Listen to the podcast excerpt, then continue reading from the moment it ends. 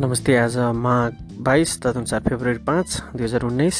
हामी गन्थन डट कमद्वारा सञ्चालित पोखरा न्युज पोडकास्टबाट उपस्थित भएका छौँ। जापानी भाषाको परीक्षा पोखरामा नै शनिबार हुने भएको छ। बिहिबारसम्म नाम दर्ता।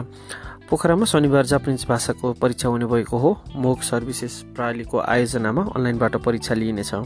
फेब्रुअरी नौ अर्थात् फागुन छब्बिस गते शनिबार परीक्षा हुनेछ। परीक्षामा सहभागी हुन चाहनेहरूले फेब्रुअरी सात अर्थात् माघ चौबिस गतेसम्म नाम दर्ता गर्न सकिने प्रणालीले जनाएको छ। पोखराहरूमा पहिलोपटक अनलाइनबाट जापानिज भाषा परीक्षा पिजेसी ब्रिज टेस्ट हुन लागेको हो। International college appliance science Anupam मार्गमा परीक्षा हुनेछ। परीक्षा शुल्क तिन हजार पाँच सय रुपियाँ तोकिएको छ भने अनलाइन टेस्टको रिजल्ट चौबिस घन्टाभित्र आउने कम्पनीको भनाइ छ। परीक्षामा सहभागी हुन चाहनेहरूले नाम दर्ताका लागि नेपाल भाषा सङ्घ लानमा सम्पर्क गर्न सकिने लानका अध्यक्षले जानकारी दिए। नेपाली फुटसल टोली विश्व फुटसल विश्व च्याम्पियनसिपमा छनौट भएको छ। नेपाली टोलीले अर्जेन्टिनामा मार्च एकतिसबाट अगस्त सातसम्म हुने फुटसल विश्व च्याम्पियनसिपमा सहभागिता जनाउन लागेको हो। बाह्रौँ संस्करणको विश्व च्याम्पियनसिपका लागि नेपालले एसिया महादेशबाट वाइल्ड कार्ड इन्ट्रीबाट छनौट हुन सफल भएको नेपाल फुटबल सङ्घका नेपाल फुटसल सङ्घका उपाध्यक्ष सन्तोष पराजुले जानकारी दिए। च्याम्पियनसिपमा नेपालसहित विश्वका सोह्र राष्ट्रले सहभागिता जनाउने उनले जानकारी दिए। विश्वका महारथी खेलाडीहरूसँग खेल्न पाउनु नेपाली खेलाडीको लागि म्याच एक्सपोजर हुने उपाध्यक्ष पराजुलीले जानकारी दिए। नेपाली टिमको छनौटका लागि शुक्रबार राष्ट्रिय खेलकुद परिषद स्थित राखेपको कबड हलमा खुल्ला छनौट प्रतियोगितामा आयोजना हुन प्रतियोगिता आयोजना भएको उनले जानकारी दिए। बाह्र सदस्यीय टोली यसअघि नै रहे पनि पुनः खुल्ला छनौट गरिन लागेको उनले बताए। पोखराको मोरिया सिंहनाथ टोललाई सुन्दर बनाउने अभियान सुरु भएको छ। मोरिया सिंहनाथ टोल विकास संस्थाको अगुवाईमा टोललाई सुन्दर बनाउने अभियान सुरु भएको हो। अभियान अन्तर्गत सडकका बिजुलीको पोलमा रङ लगाउने र फुलसहितको गमला पोलमा राखेर टोललाई सुन्दर बनाउन लागि हो। पवित्र बिन्दवासिनी मन्दिर नजिकको टोललाई सुन्दर बनाउने अभियान स्वरूप गमलामा फुल रोप्ने र पोल रङ्गाउने अभियानको बिन्दवासिनी धार्मिक क्षेत्र विकास समितिका अध्यक्ष गणेश बहादुर श्रेष्ठ र टोल विकास संस्थाका सल्लाहकार जवाहरलाल श्रेष्ठले संयुक्त रूपमा मङ्गलबार उद्घाटन गरे। धार्मिक तथा पर्यटकीय स्थल बिन्दवासिनी मन्दिर प्रवेश गर्नु अगाडि नै टोलमा पनि सुन्दरता देखेर तीर्थयात्रीहरू प्रफुल्ल हुन् भनेर बिजुलीको पोल रङ्गाउने र फुलमाला सहितको गमला राखिएको संस्थाका अध्यक्षले जानकारी दिए।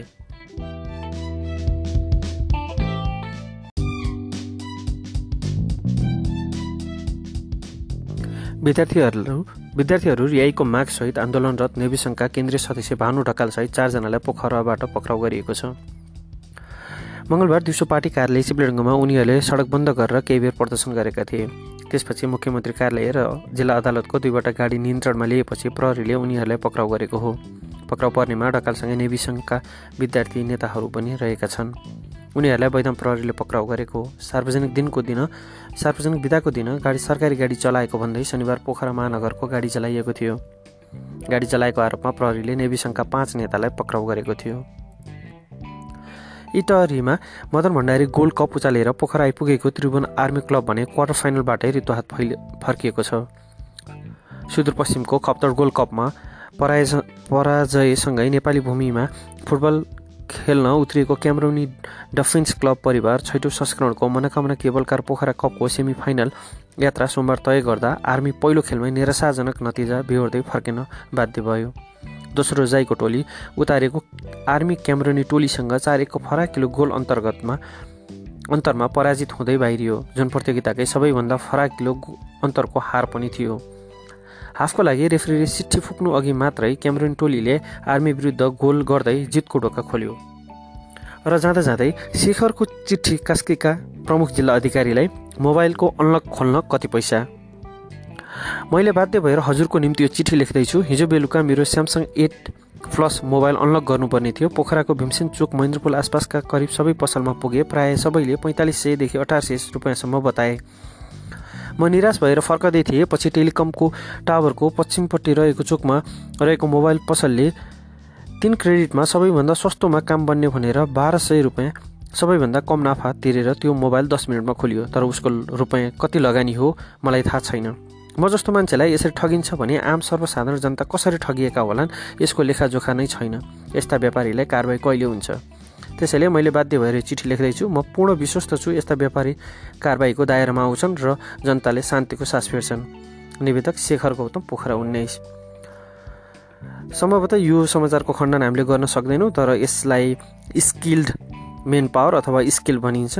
उहाँको फोन अनलक गर्नलाई दस मिनट लाग्यो तर त्यो दस मिनटको स्किलको पैसा पसलेले लिएको हुनुपर्छ। किनभने फोन अनलक विभिन्न तरिकाले हुन्छन् फोन लक विभिन्न तरिकाले हुन्छन् तर अनलक गर्नलाई चाहिँ एक्सपर्टिज चाहिन्छ।